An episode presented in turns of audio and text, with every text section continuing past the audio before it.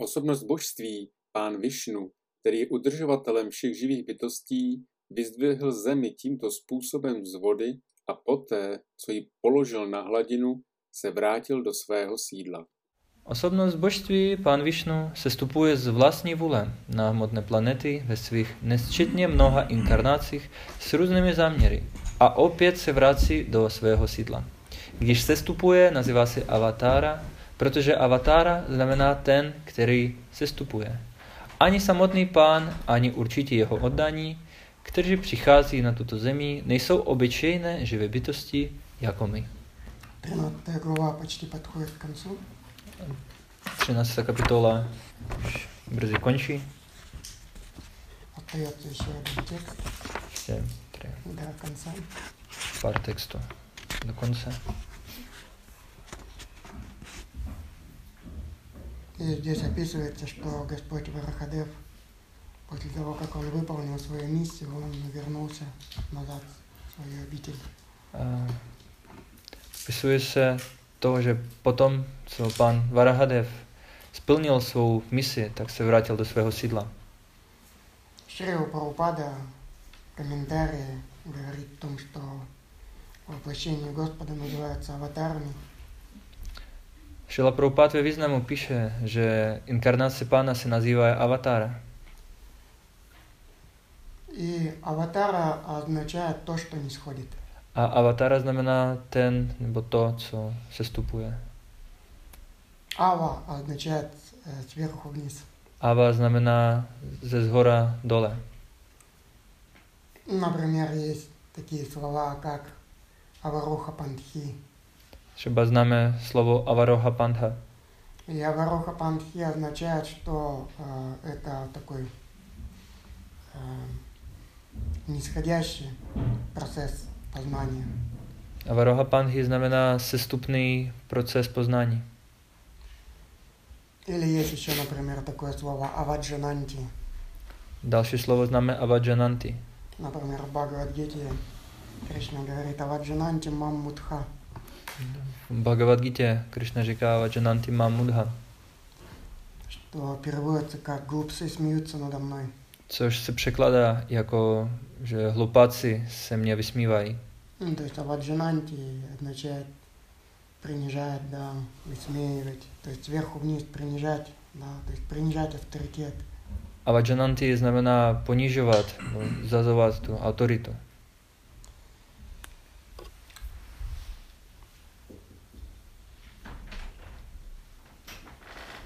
И это вот очень важно понимать, что мы не должны быть такими глупцами, которые высмеивают Господа.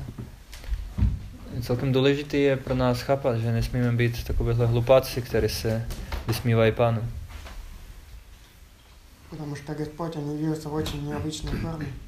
Pán se zjevil v velmi neobvyklé podobě.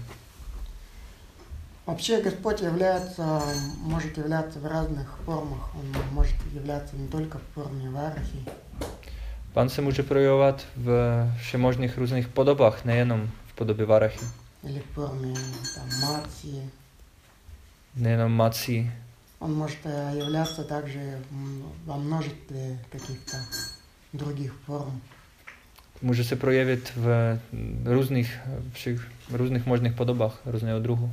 Например, в форме комара Třeba ve formě komára, или еще кого-нибудь. nebo ještě někoho jiného. Шрила Прабхупада пишет об этом в одном из своих комментариев. V jednom ze svých významů Šila Prabhupada o tom píše. Но, тем не менее, хотя может показаться, что, что это какая-то очень обычная форма, это, тем не менее, сам Господь. Nicméně, když se může zdát, že to je nějaká obyčejná podoba, tak s- stejně je to nejvyšší pán.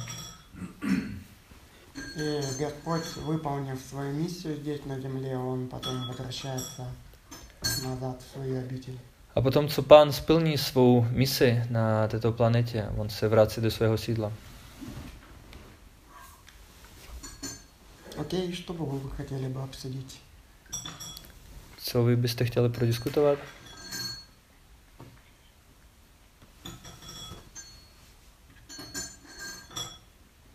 о Господе Варахадеве или еще что-то. Pánu Varahovi nebo čímkoliv jiném.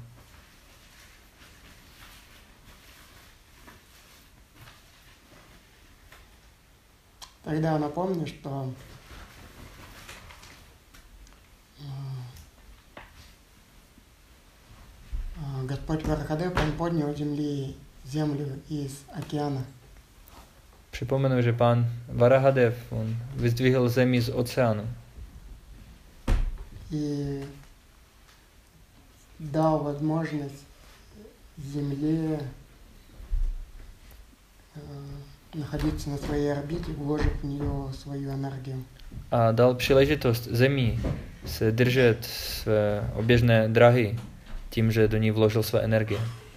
Что это означает? Co to znamená? Олицетворением чего является Господь Варахадев? Zosobněním čeho je pán Varahadev?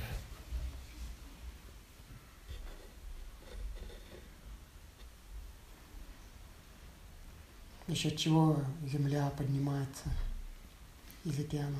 Mm, Na základě čeho země se eh, vyzdvihla nad- nad tím oceánem? Никто не помнит. Kvůli nadvládě nejlepší. Kvůli? Na, no, jakože, За счет чего?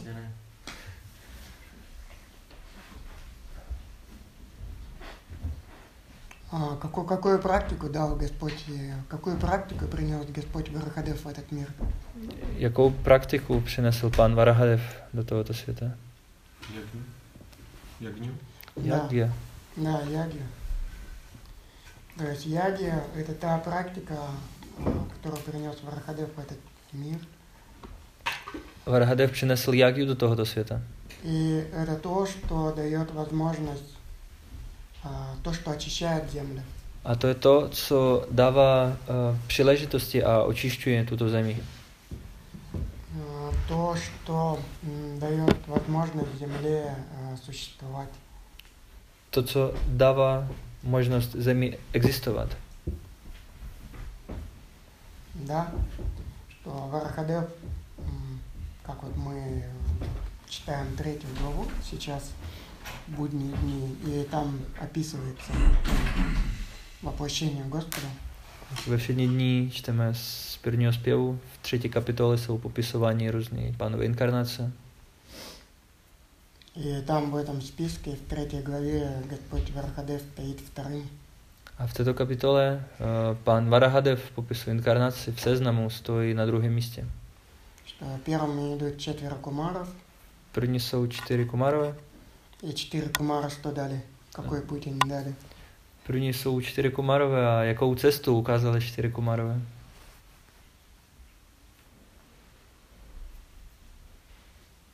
М. Ну, кем были кумары? Hm? Mahážen? Mahadžana? Nást Mahážen. Byli mahadžanami. Ну, они были махаджанами, да, но они принесли путь э, гьяни. Не, не забывайте, что кумары были изначально имперсоналистами. Mhm. Kumarové přinesli cestu Gyany. Nesmíme zapomenout na to, že původně oni byli impersonalisti. Вот. Потом дальше э, говорит, описывается аватар Варахадева. Dále se popisuje avatára pána Varahadeva. И Варахадев дал путь, э, путь яги, путь э, совершения жертвоприношений. Varahadev dal cestu Yagi, cestu uh, vykonání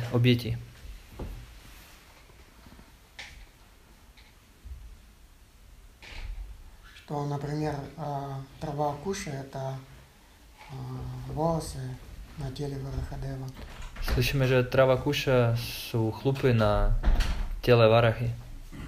Что когда Господь Варахадев отряхивался и вода сказать, отряхивался от воды, то вот эта, э, вот эта его щетина, она издавала звуки ведические, ведических гимнов. A když se snažil z sebe eh, sklepat vodu po tom, co vylezl z oceánu, tak uh, ti chlupy, uh, oni vydávali zvuky uh, védských manter. Потом дальше м, следующая аватара э, из третьей главы Další, первой песни это Нарада. další avatara v třetí kapitole prvního zpěvu je Narada Muni. Что дал Нарада Муни? Co dal Narada? Какой путь принес Нарада Муни? Jakou cestu přinesl Narada?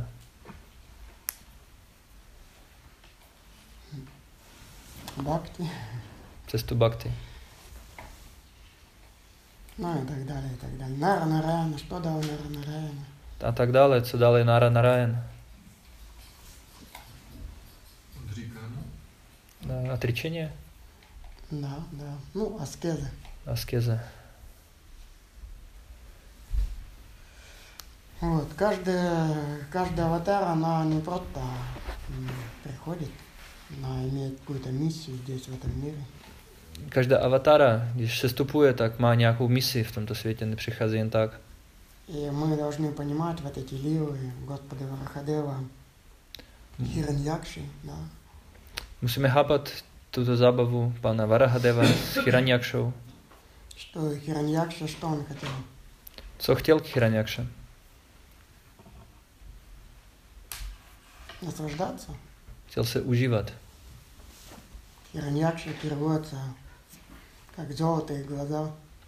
Hiranyakša se překládá jako zlato a oči.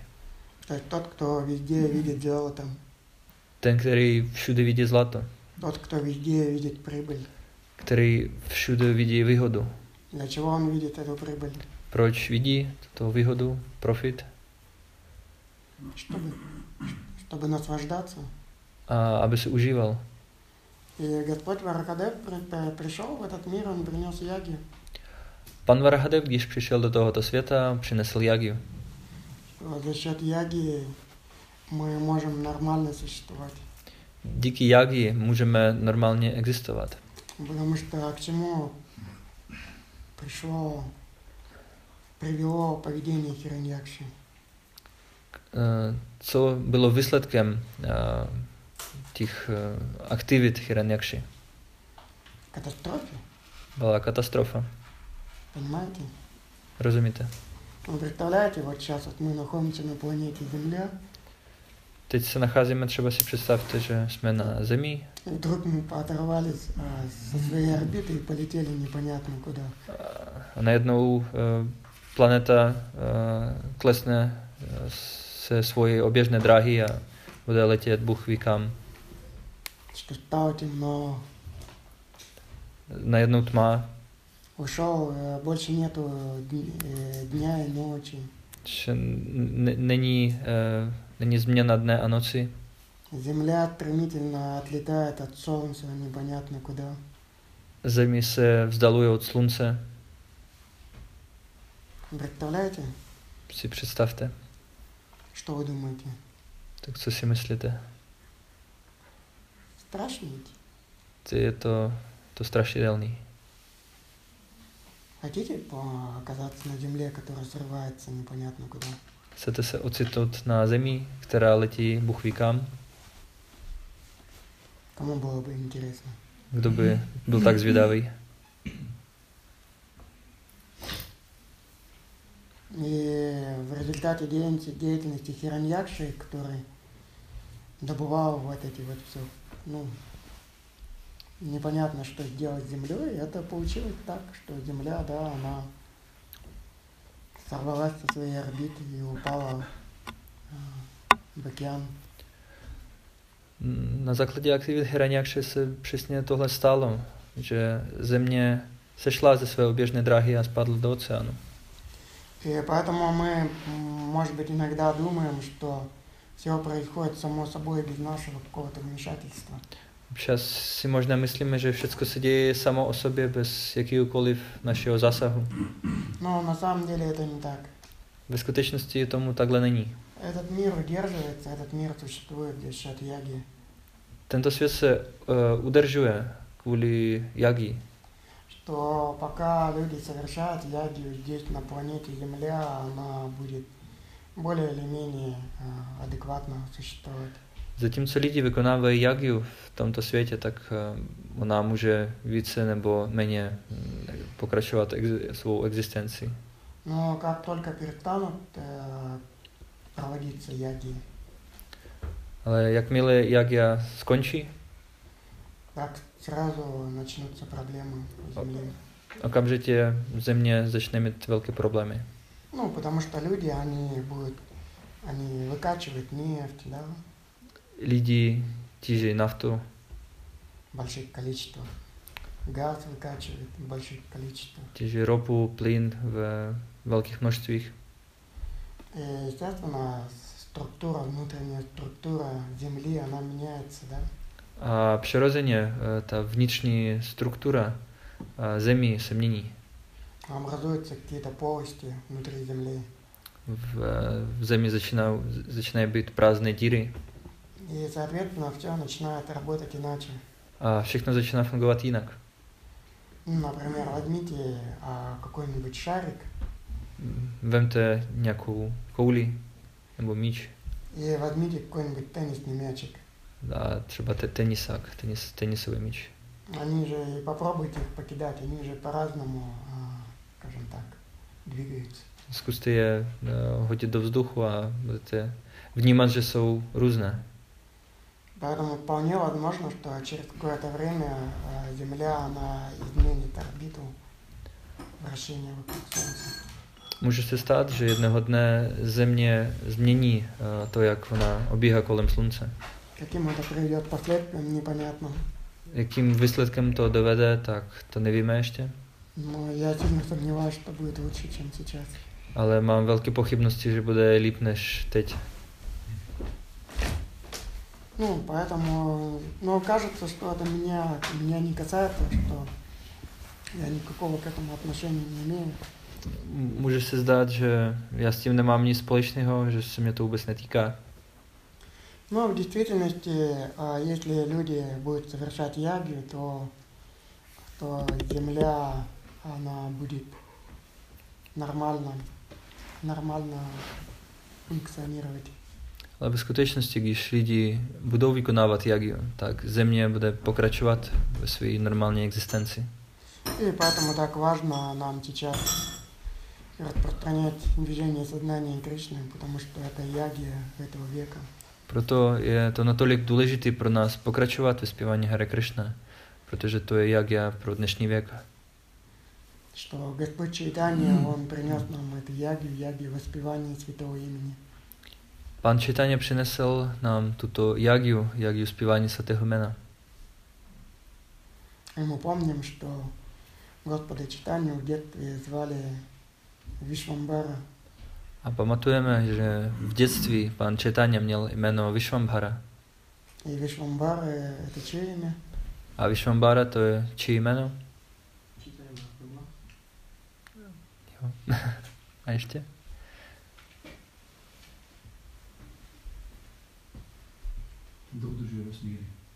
Это имя того, кто поддерживает Вселенную. Вишвамбара – это имя Варахадева. Вишвамбара то именно Варахадева. Это имя Варахадева. Именно Варахадева. Ну, то есть Варахадев э, принес ягию. Варахадев принесл ягию. И Вишвамбара, Господь Чайтанья, он тоже принес ягию. A Vishwambhara, pan Četanya, taky přinesl jagiu. Варахадев принес в этот мир совершение ведических ягий. Varahadev přinesl do tohoto světa vykonávání vedských jagí. А Господь Чайтанья принес в этот мир ягию воспевания святого имени. Pan Četanya přinesl do tohoto světa jagiu zpívání svatých jmen. Вот.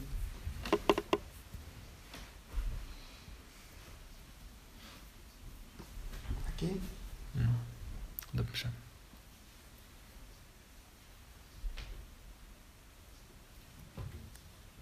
Что хотели бы обсудить? Chtěl byste něco prodiskutovat?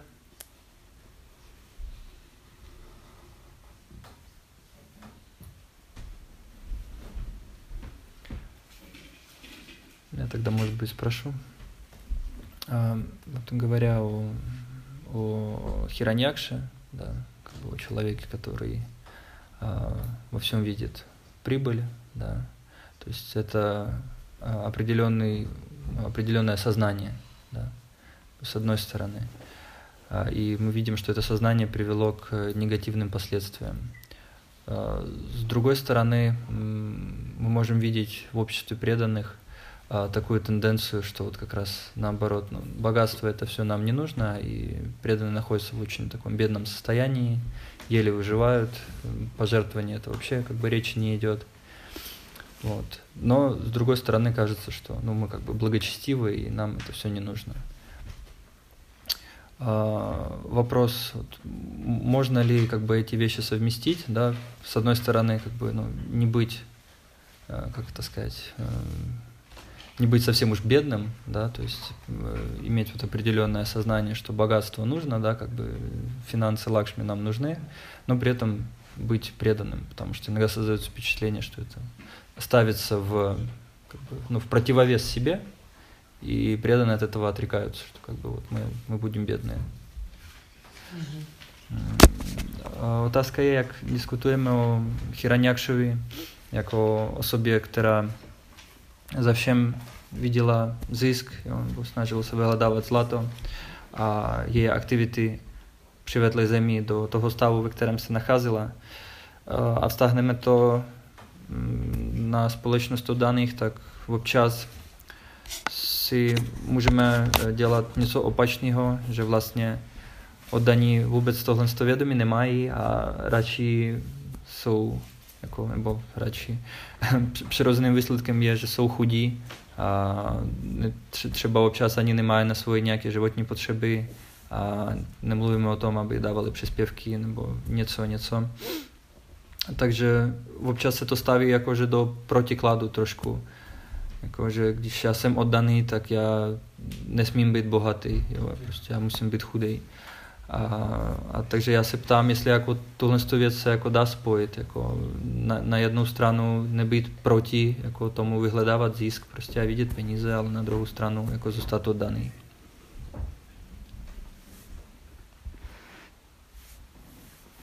Да, э, такой хороший вопрос. Это добрая утаска. И он имеет несколько таких аспектов ответа. Да. Může mít několik aspektů ta odpověď. И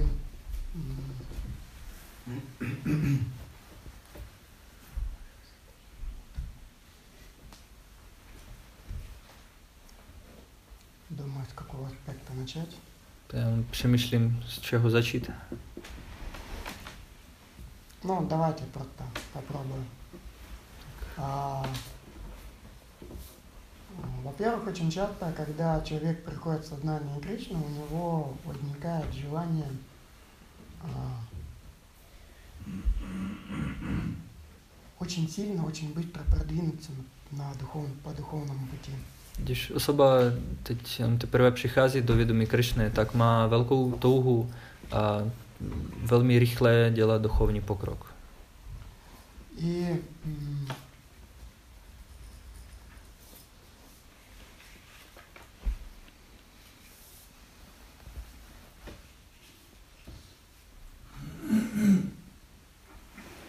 И с этой целью он а, стремится такой, к тому, чтобы быть бедным.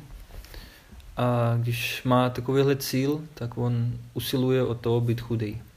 Потому что для него, а, а, потому что богатство означает исполнение а, каких-то его желаний. Protože bohatství znamená, že bude schopen plnit nějaké své touhy. И поскольку желание у него а, в начале, в начале духовного пути, а, у него он помнит свои материальные желания, то, соответственно, он отрекается, отказывается от а, богатства. A protože na začátku své duchovní cesty on ještě uh, má silné své hmotné touhy, tak on se zříká hmotného bohatství. Потому что, потому что у человека возникает ассоциация, что богатство это означает материальное желание, это означает какие-то чувственные наслаждения. Protože osoba má takové, takové pochopení, že uh, bohatství znamená uh, hmotné touhy a znamená nějaký požitek. И, соответственно, если отказаться от богатства, это знак равенства того, что у тебя нет желаний, материальных желаний. A když se vzdáme bohatství, tak m- můžeme dát takovou rovnici, jo, prostě zřeknu se bohatství, znamená, že jsem se řekl hmotných tužeb. Но я м, по- попробую привести пример. Pokusím dát příklad. А, Пример, как это работает. Příklad, jak to funguje. Представьте себе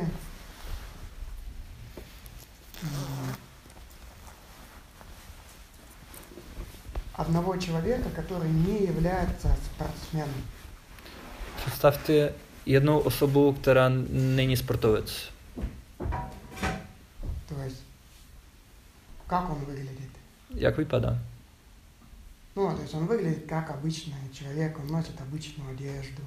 Vypadá jako normální, normální běžná osoba, nosí obyčejné oblečení И представьте себе э, спортсмена, a pak si představte sportovce, очень опытного.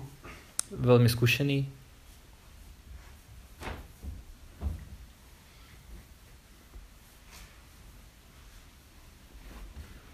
И у него есть отличие от, от обычного человека, да? je tam rozdíl, on se liší od toho, od té obyčejné osoby.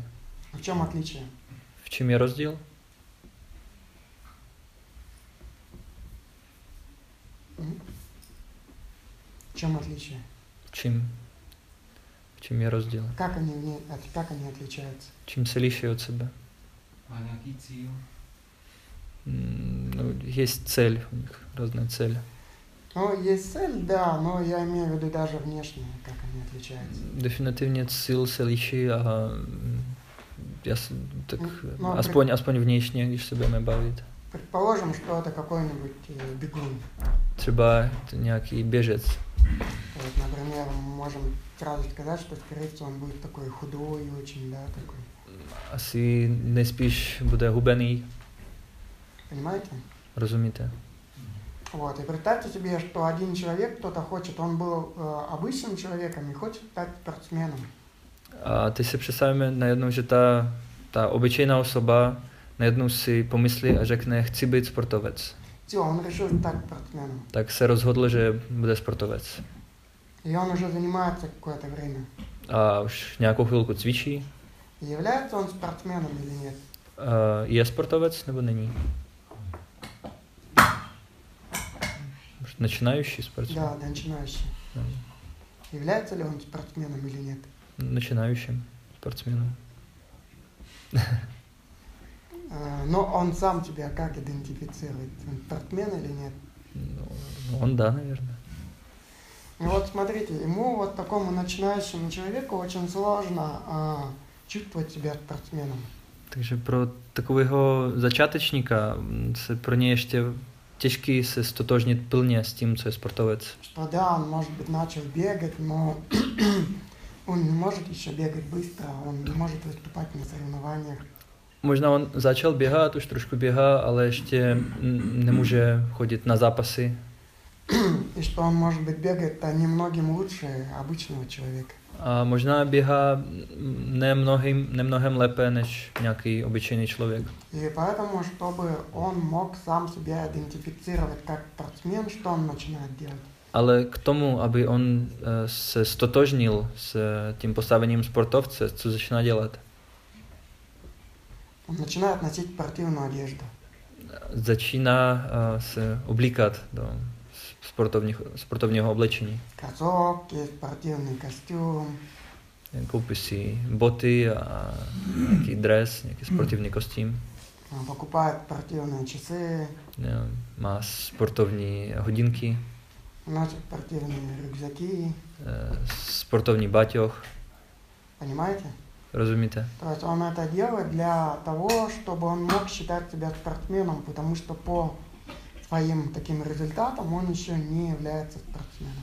Dělá to proto, nebo k tomu, aby se cítil jako sportovec, protože vlastně těma výsledkama, tak on ještě není sportovec. То есть это дает ему какой-то стимул считать себя спортсменом и продолжать э, ну, заниматься спортом. Takže je to pro něj určitá motivace, j- jak pokračovat, eh, dělat ten sport. И поэтому очень э, хорошо видно разницу между настоящим спортсменом, таким опытным спортсменом, и э, начинающим спортсменом. Takže je velmi uh, dobře viditelný rozdíl mezi uh, s tím sportovcem, který je odborník, profesionální sportovec a začátečníkem. И, например, есть спортивные такие магазины, магазины для спортсменов. Jsou i sportovní obchody, obchody pro sportovce. Знаете, кто их посещает? Víte, kdo tam chodí? Начинающие спортсмены. Zač- začínající sportovci. Потому что мои наблюдения за, за, за опытными спортсменами показывают, что э, они э, ну, обычно выглядят э, ну, как обычные люди по одежде. Moje pozorování, že ti odborní sportovci, profesionální sportovci, oni vypadají jako obyčejní lidé. Ну, например, э, у того же бегуна просто могут быть кроссовки какие-то и все, и ему больше особо-то ничего не надо. Může být nějaký běžec, ale on třeba má nějaký obyčejný tenisky a nepotřebuje víc. Но, например, у какого-то начинающего э, спортсмена у него там спортивные экипировки может быть на очень-очень большую сумму денег. A, ale ti začátečníky tak mohou mít em, ten, ti spo- ten sportovní, sportovní oblek a ostatní věci a bude to stát velkou hromadu peněz. И, м, и, например, обычный такой профессиональный спортсмен может сказать ему, зачем ты накупил все эти вещи, тебе они не нужны на самом деле для того, чтобы спортом заниматься. Тебе нужны кроссовки и все, по сути дела. Ten profesionální sportovec může říct, em, proč si toho všeho takhle mraky nakoupil, Ty potřebuješ jenom nějaký tenisky. Зачем м, тебе какой-то такой спортивный рюкзак, в котором лежит какая-то, какая-то бутылочка, там нав- какая-нибудь навороченная, да, вот там куп- купленная за, за громадные деньги в таком спортивном магазине. K čemu, k čemu potřebuješ ten sp- sportovní baťoch a v něm nějaká s- super duper lahvička za obrovské peníze? Какая-нибудь очень э, дорогая спортивная куртка, да. Drahá sportovní bunda? М, То есть ты можешь носить что-то гораздо проще. Si můžeš nosit něco levnějšího, jednoduššího. Но а, проблема начинающего спортсмена в том, что он хочет отделить себя от обычного человека. Problém začátečníka je v tom, že on chce nějakým způsobem oddělit sebe od obyčejného člověka. И он не может сказать там по своему телу, да, по своим возможностям, что да, он спортсмен, он чувствует себя обычным человеком на самом деле. Podle svých pocitů nemůže říct, jo, já už jsem sportovec, on se stále cítí jako ten obyčejný člověk. И поэтому он покупает вот эти вот дорогие спортивные одежды, какие-то атрибуты. A proto on uh, nakupuje pro sebe různé drahé věci. И то же самое, что когда человек встает на путь преданного служения, он чувствует себя обычным человеком, и он не хочет быть обычным человеком, да. Он Když, хочет быть преданным. a takhle, když osoba uh, začíná svoji duchovní cestu, tak ona se nechce cítit jako nějaký obyčejný člověk, chce se cítit jako něco víc. И так как внутри, внутри его мысли, его желания, они еще не изменились сильно, то он стремится именно внешне показать, что я необычный человек, я отличаюсь чем-то от них. A, a takhle eh, tyto vnitřní jeho myšlenky a tužby ho nutí, motivují k tomu dělat něco, aby se odlišil od ostatních. И точно так же, как, например, вот такой начинающий спортсмен покупает себе дорогую одежду, то же самое делает и э, начинающий преданный. Takže stejně jako ten sportovec začátečník, on dělá mnoho věcí jenom vnějšně, tak stejně i ten uh, začátečný, od- oddaný začátečník. Но он начинает вести вот именно такой подчеркнуто, такой аскетичный да, образ жизни. musí mít takový důrazně odříkavý způsob života. Но чтобы показать, что я вот отличаюсь от, э, от непреданных. Aby ukázal, vidíte, já se liším od neoddaných. Чтобы это, и это нужно ему для того, чтобы вдохновля, вдохновляться, заниматься продолжением практики. A on potřebuje tuto inspiraci a toto nadšení k tomu, aby mohl pokračovat ve svém praktikování. И поэтому э, ну, зачастую преданные так ведут себя. A tohle je běžný, jak se oddaní chovají. Это один аспект. To je jeden aspekt. Понимаете, да? Rozumíte tomu? То есть, если мы внутри не чувствуем себя преданными, то мы будем стараться внешне, э, как сказать, показать, что мы преданные. Да. Takže jestli vnitřně se necítíme jako oddaní, tak m- můžeme jednat vnějšně. Вот. Но, по сути дела, одежда, э, э, не одежда отличает обычного человека от спортсмена, да, а что отличает? Ale ve skutečnosti, že to není to vnější, co, uh, čím se liší sportovec, Это возможности и способности его тела. To jsou uh, možnosti, schopnosti, uh, výkon jeho těla. И а, то же самое, а, преданный является преданным именно по своему внутренним, а, каким-то внутренним желаниям, да, каким-то внутренним планам.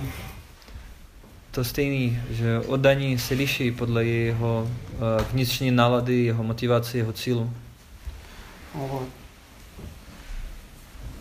Но с другой стороны, также э, преданный, он, а, который достиг а, каких-то результатов, он естественным образом не стремится к этим внешним а, каким-то вещам, да.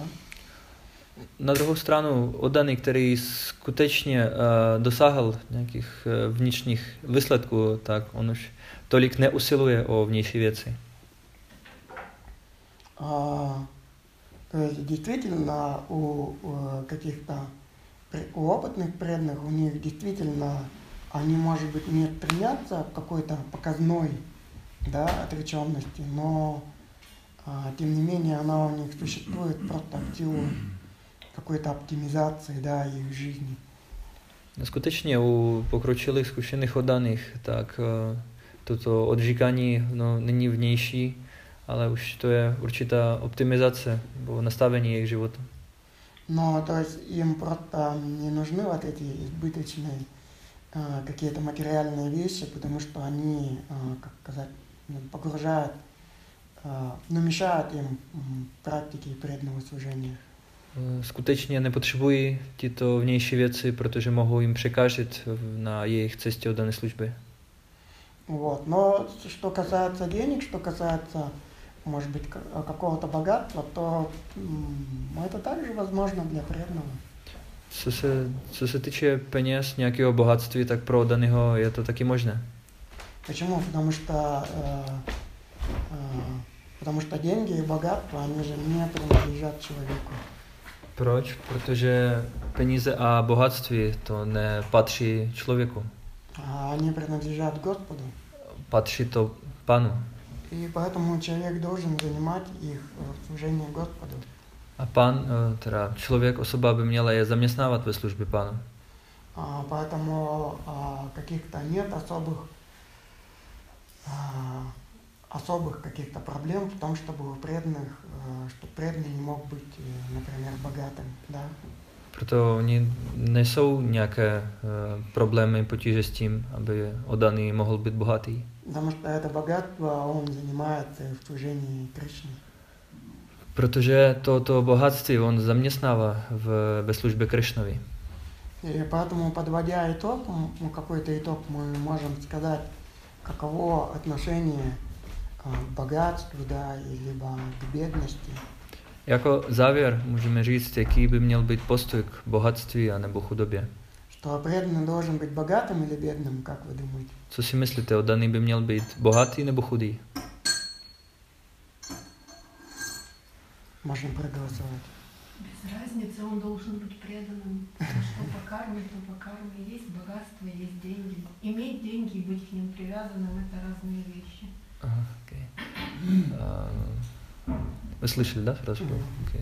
Ем, м, Takže n- n- není, není rozdíl, jestli mnoho peněz nebo málo peněz. Eh, To, to, co přijde podle karmy, tak prostě přijde tak i tak. A mít peníze a být k ním připoutaný, tak to jsou odlišné věci. Да, это хороший ответ, но тем не менее я еще раз тебе поставил его на голосование. Преданный должен быть богатым или бедным? To je eh, n- nádherná odpověď, a, s- ale stejně já chci, bychom teď jako něco zvolili, jedno z toho. A mm, můžete zvednout ruku, jestli oddaný musí být jako bohatý nebo chudý. Tak. За, за что голосуем сейчас? За- Кто, кто за то, что преданный должен быть богатым? Tak, kdo, kdo, kdo je pro to, že oddaný musí být bohatý? Musí. Musí, nebo měl by být bohatý. No. Může spíš, může, musí. No, teď se bavíme o tom, že musí. Nebo měl by. Он должен или может? Прям вопрос прям риторический преданных. ну, Нерешительность да, это чувствую. риторический вопрос, в принципе. Смотрите, преданный, а, преданный должен занимать такую позицию, которая помогает ему в преданном служении. Takže oddaný měl mít takové postavení, které mu pomáhá v oddané službě. Есть ли ему для того, чтобы двигаться по пути преданного служения, лучше быть бедным, то есть он чувствует, что это ему помогает, то ему лучше быть бедным. Takže jestli osoba cítí, oddaný cítí, že pro jeho pokrok v oddané službě pro něj bude prospěšnější být chudý, tak může být chudý. Если преданному для того, чтобы больше, лучше совершать преданное служение, нужно быть богатым, значит ему нужно быть богатым. K tomu, aby oddaný mohl dělat více oddané služby a, a k tomu potřebuje být bohatý, tak měl by být bohatý. Понимаете? Rozumíte? То есть я помню такую, такую, такую ситуацию, я как-то а, был м, ну, в одном месте, и а, я встал рано утром, надо было читать жабу, и там было очень-очень холодно. Ну, это было в России, в России очень холодно зимой. Že v jednom místě jsem se zbudil velmi ráno a byla strašná, ale strašná zima. A je to prostě v Rusku a v Rusku jsou zimy velmi studené. Там на улице было минус 30, Venku bylo minus 30 и окна были очень м, плохими. a okna nebyly moc dobrý. И не было тепла. A to ne, nebylo teplo. И я читал джапу, и я не мог сосредоточиться на святом имени. S- Zpíval jsem džapu, ale nemohl jsem se soustředit na zpívání. Я читал джапу и думаю, да почему так холодно? Jsem džapu, ale furt jsem přemýšlel, proč taková zima. То есть те 16 кругов вместо того, чтобы думать о Кришне, я думал о том, почему же так холодно. 16 kol místo přemýšlení o Krišnovi, já jsem přemýšlel o tom, proč je taková zima. Понимаете? Rozumíte?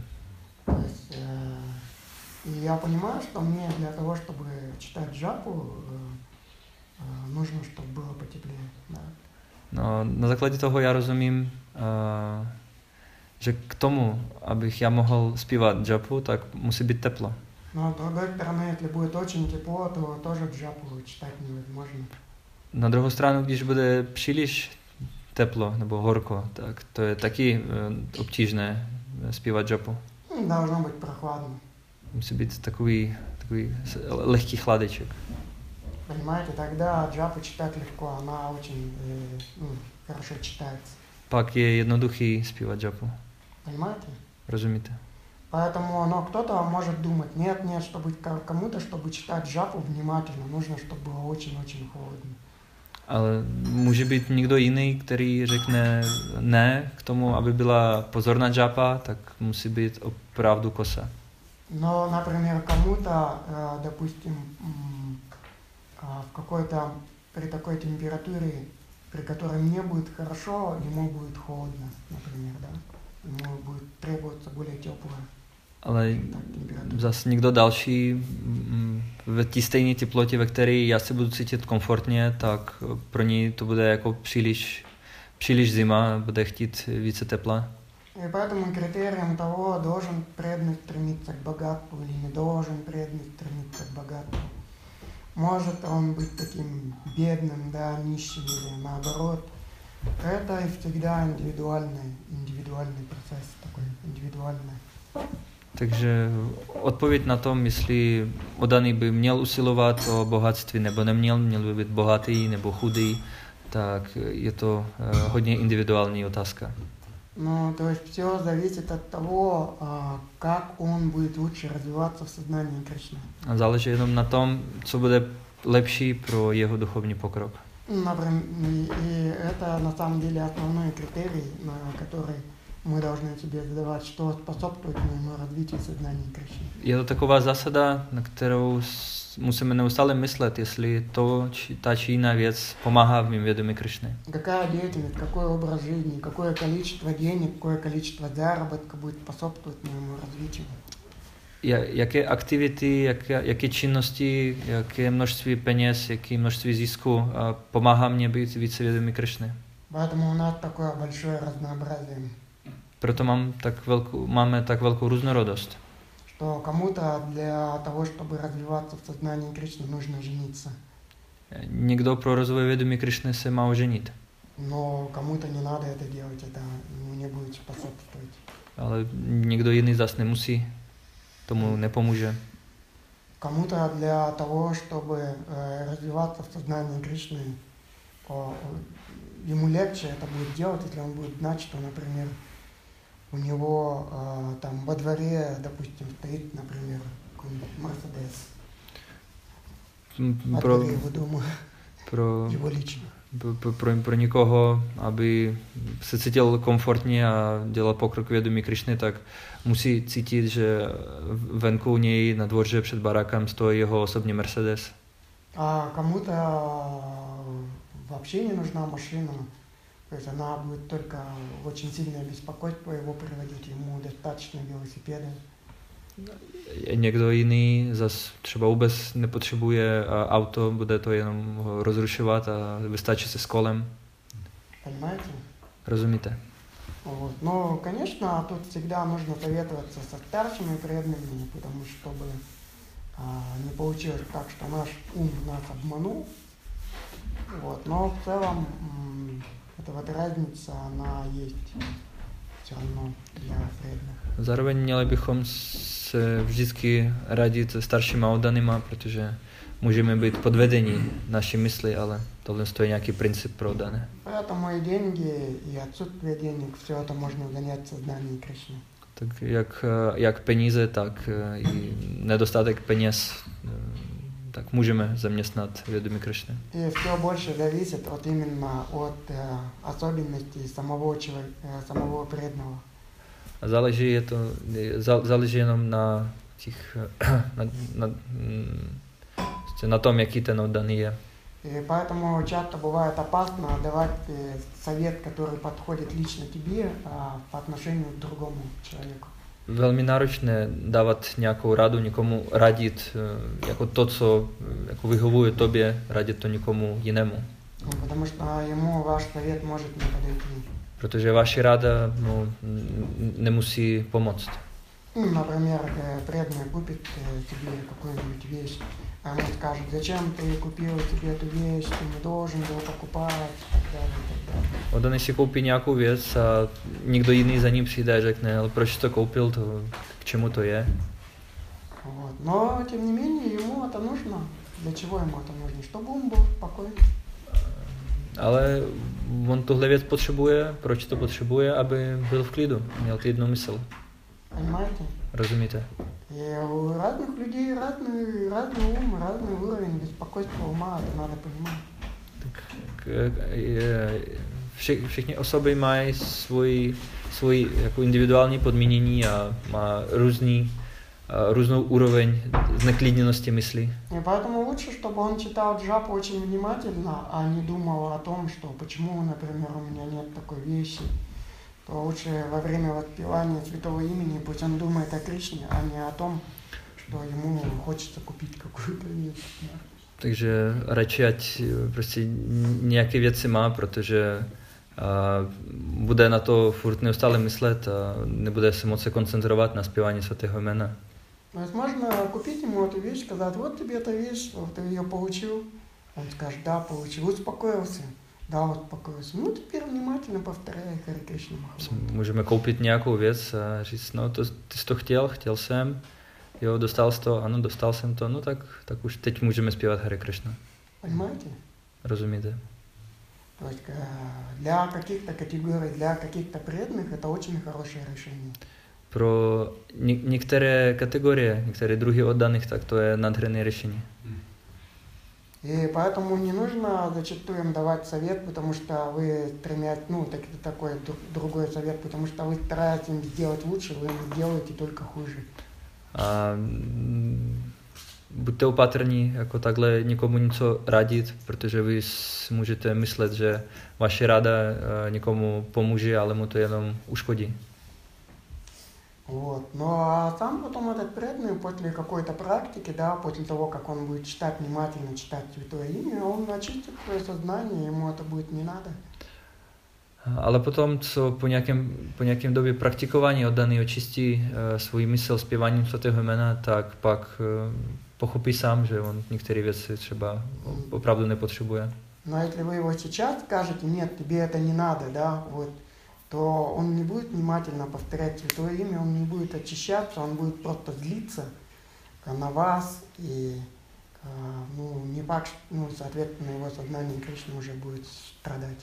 Ale jestli mu třeba některé věci vezmete teď, tak eh, vůbec mu to nepomůže, bude z vás strašně agitovaný, a bude rozrušený, jo, a vůbec to nepomůže jeho vědomí Krišny. М, Поэтому ответ еще такой. Мы принимаем благоприятное и отвергаем неблагоприятное. Takže zásadní doporučení je, že my přijímáme všechno, co je příznivé a zamítáme všechno nepříznivé. Это первый принцип Шаранагати и предания Господу. Jsou první principy šaranagaty, odevzdání se Надо pánu. принимать благоприятное для сознания Кришны и отвергать неблагоприятное. Musíme přijímat eh, všechno příznivé a zavrhovat nepříznivé. И у каждого преданного у него свой список благоприятного и неблагоприятного. A každý oddaný má svůj osobní seznam, co je pro něj příznivé a nepříznivé. Э, Поэтому нужно быть очень осторожным, когда вы советуете что-то преданному. Takže m- musíme být velmi opatrní, když oddaným něco radíme. Потому что каким-то неправильным советом можно только ухудшить э, его, усложнить ему его путь к преданным служению. Protože tou špatnou rádou, tak můžeme udělat jeho cestu vědomí Krišny eh, obtížnější. И за нашим заветом может, по сути дела, скрываться, ну, просто банальная зависть. A za naší rádou může se skrývat obyčejná závist. Вот, поэтому нужно очень внимательно следить также за своими мотивами, с какой целью вы хотите ему объяснить это все, или что посоветовать что-то. Не кроются ли тут зависти. Máme být uh, velmi opatrní a pozorní, jaký jsou naše motivace, které stojí za tím, že chceme někomu něco poradit. Или какая-то критика, да. Jestli je tam závist nebo kritika, Ну, то есть какие-то наши анархии. nějaké naše anarty. Вот, поэтому это все нужно учитывать и вот, в ответе на этот вопрос. Všechno tohle musíme zvažovat při odpovědi na takovou otázku. Окей? Dobře. Ještě otázka? Hm? Можно еще вопрос спрашивать, да? Время есть. Давайте последний. Время. Poslední otázka. ano. Já bych se zeptal k tomuhle bodu. A e, když jsou situace, jako třeba je vystřeženo v té analogii, kdy nějaký dejme tomu soucitní dítě se snaží pomoct skouklým motýlkovi, který se z ní výhne, protože vidí ze své úrovně inteligence, že ten motýlek asi umře Mhm. takže mu trochu pomůže ven a příroda to má zařízený tak, že, že ten motýlek to musí dělat sám, aby mohl lítat a možná mu křídla umře. Takže ten, kdo to myslel dobře, nakonec to zabil. Takže moje otázka k tomuhle je, když eh, třeba tam není ta a, a motivace poradit někomu z nějaký závisti, jako Mhm. špatně, ale spíš jako v tom dobrým a pak za to nese takové reakce, že prostě a ho za toho ode mě poškodí, to sáhnout neměli. Tomu. A pak, pak vlastně uh, žije a trpí ty reakce. A co v takovém případě dělat a jak přemýšlet. А, Можем привести другой пример, когда вот кто-то он э, дает э, ну, какую-то рекомендацию или совет, может быть, в доброй вере. При- привел- был приведен пример, как, например, э, ребенок, он очень сострадательный, он видит, что, например, бабочка хочет вылезти из, там, из кокона, да, вот он ей пытается помочь. Но природа, э, она устроила так, что то есть этот, ну, бабочка она должна сама вылезти из кокона, и тогда она научится летать, иначе, то есть он ей повредит там, крылья, и она летать не сможет. И, вот, и у нас может быть тоже так, как преданные мы в какой-то своей доброй вере по неопытности хотим кому-то помочь, но причиним кому-то вред, может быть. И вот, и как э, в такой ситуации потом поступать, если что-то подобное произошло, как нам поступать, как нам думать в такой ситуации. Да, это хороший вопрос. Veľmi dobrá otázka. А, и, а, нам нужно быть очень осторожными. Musíme být velmi opatrní, А, потому что очень часто, почему человек дает кому-то какой-то совет. Proč častokrát, proč uh, někdo dává někomu nějakou radu. Человек часто дает совет не потому, чтобы помочь другому, Radí ne kvůli tomu, aby někomu pomohl, а для того, чтобы самому утвердиться в том, что он советует. ale k tomu, aby se sám přesvědčil v tom, co on radí. Поэтому нужно, ну, скажем так, подумать об этом. Můžeme se zamyslet tady nad tím. Э, Я помню, однажды ко мне пришел один грехастка и стал рассказывать а, про, друг, а, про другого преданного.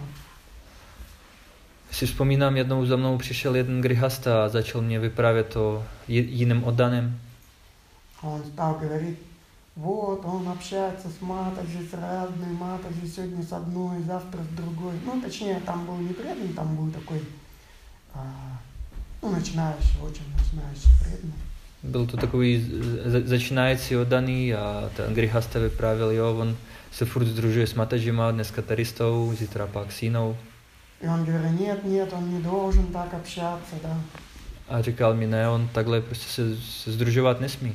И он мне очень долго, где-то целый час это рассказывал, да. A asi hodinu mě tohle vyprávěl. Я сидел слушал его, да. Seděl jsem, poslouchal И думал, зачем он мне это вообще рассказывает? a přemýšlel jsem, proč on to vlastně říká. Мне вообще не интересно, кто с какой матушкой общается. Ty jako absolutně mě nezajímá, kdo s jakou Matači se združuje. Понимаете? Rozumíte? Но я понял, почему он это говорит, потому что, а, несмотря на то, что он сам женат, и у него внутри есть у самого желание общаться с разными матами. Ale pochopil jsem to, že on, i přesto, že je ženatý, tak někde vevnitř v sobě uh, má touhu se združovat s jinýma matadžima. Поэтому он критикует его для того, чтобы а, самому тебя убедить в том, что не надо общаться с разными матами. A proto on kritizuje to, toho, toho oddaného a, a tvrdí, že bychom nesmě, ne, nesměli nebo neměli bychom se združovat s jinými ženami. Понимаете, да? Rozumíte? Поэтому проблема заключается в том, что если нету, а, как сказать, опытных преданных, то мы будем, а, ну, к сожалению, общество будет обречено на такие советы. Problém spočívá v tom, že jestli nebudeme mít dostatek zkušených oddaných v našem hnutí, tak um, jsme odsouzeni k tomu trpět uh, vůči takovým nezralým uh, doporučením nebo radám. И я очень четко помню, у нас в России в 90-х годах вот именно это и было. A já úplně vzpomínám, že v 90. letech v Rusku jsme měli přesně tady tu situaci. Вот именно такая проповедь абсолютно неадекватна она была, но она связана с тем, что те, кто проповедовали, они сами это как сказать, эти советы, они были не для других, они были для них самих. Přesně tady ten druh kazání běžel všude, ale problém byl v tom, že tito rady, oni byli směrovaní na ti samotné kazatele. И только тогда, когда эти преданные выросли, они утвердились в сознании Кришны, они смогли дать, давать уже адекватные советы. Až potom později, když ti oddaní eh, dorostli, dospěli a u- upevnili se ve svém vědomí Krišny, tak pak začali být schopni někomu něco radit. Поэтому вывод такой, для того, чтобы этого не было, нужно самому утвердиться в сознании Кришны и получать удовольствие именно от сознания Кришны. Závěrem je, že bychom sami jsme měli ustalit v našem vědomí Krišny a, a mít, ten, mít rádi, jo, cítit blaženost z vědomí Krišny. Если вы будете получать удовольствие от сознания Кришны, то вас не будет цеплять, что, например, у кого-то из преданных там много денег, или кто-то из преданных взял да женился. Да. Ну, нормально, как бы, да, в чем тут проблема? Vás vědomí Krišny bude bavit, tak už n- nebude vás tolik rozrušovat, že někdo má nějaký, nějaký mnoho peněz nebo někdo se oženil. И тогда вы будете очень четко а, понимать, что ему посоветовать, потому что вы не будете конкурировать с ним за деньги или за женщин. A vy budete jasně vědět, co mu eh, dopřát, co mu doporučit, protože nebude tam mezi váma konkurence, nějaký souboj o nasledovníky, o ženy nebo ještě o něco. Ну вот, такой бы я бы дал ответ. То есть именно Кришна да- делает нас полными и, соответственно, это нам м,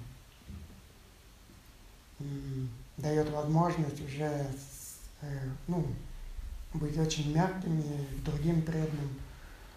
Tak Потому что Кришне хватит на всех.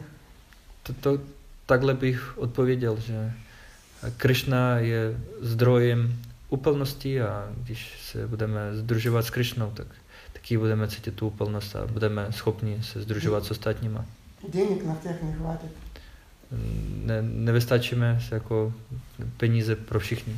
Новых Мерседесов на всех тоже не хватит. Ne, ne každý dostane nový Mercedes, А вот Кришне хватит на всех. ale Krishna stačí pro každého. И поэтому у вас будет в таком случае спокойный ум, и вы сможете без э, критики, без зависти, и самое главное, адекватно, дать адекватный э, какой-то совет, потому что также Кришна вам будет подсказывать, что нужно сказать, что посоветовать этому преданному. A v tomhle stavu, když nemáte kritiku a závist, konkurenci vůči, vůči nikomu, tak pak Krishna sám vám dá inteligence, co doporučit, co poradit nějaké osobě. No. Okay. Děkuji. Můžeme tak zakončit. Da. ग्रंथ श्रीमद भागवतम की जय श्री उपाद की जय गौर प्रेमानंद हरि बोल Его милость Радас Прабу की जय जय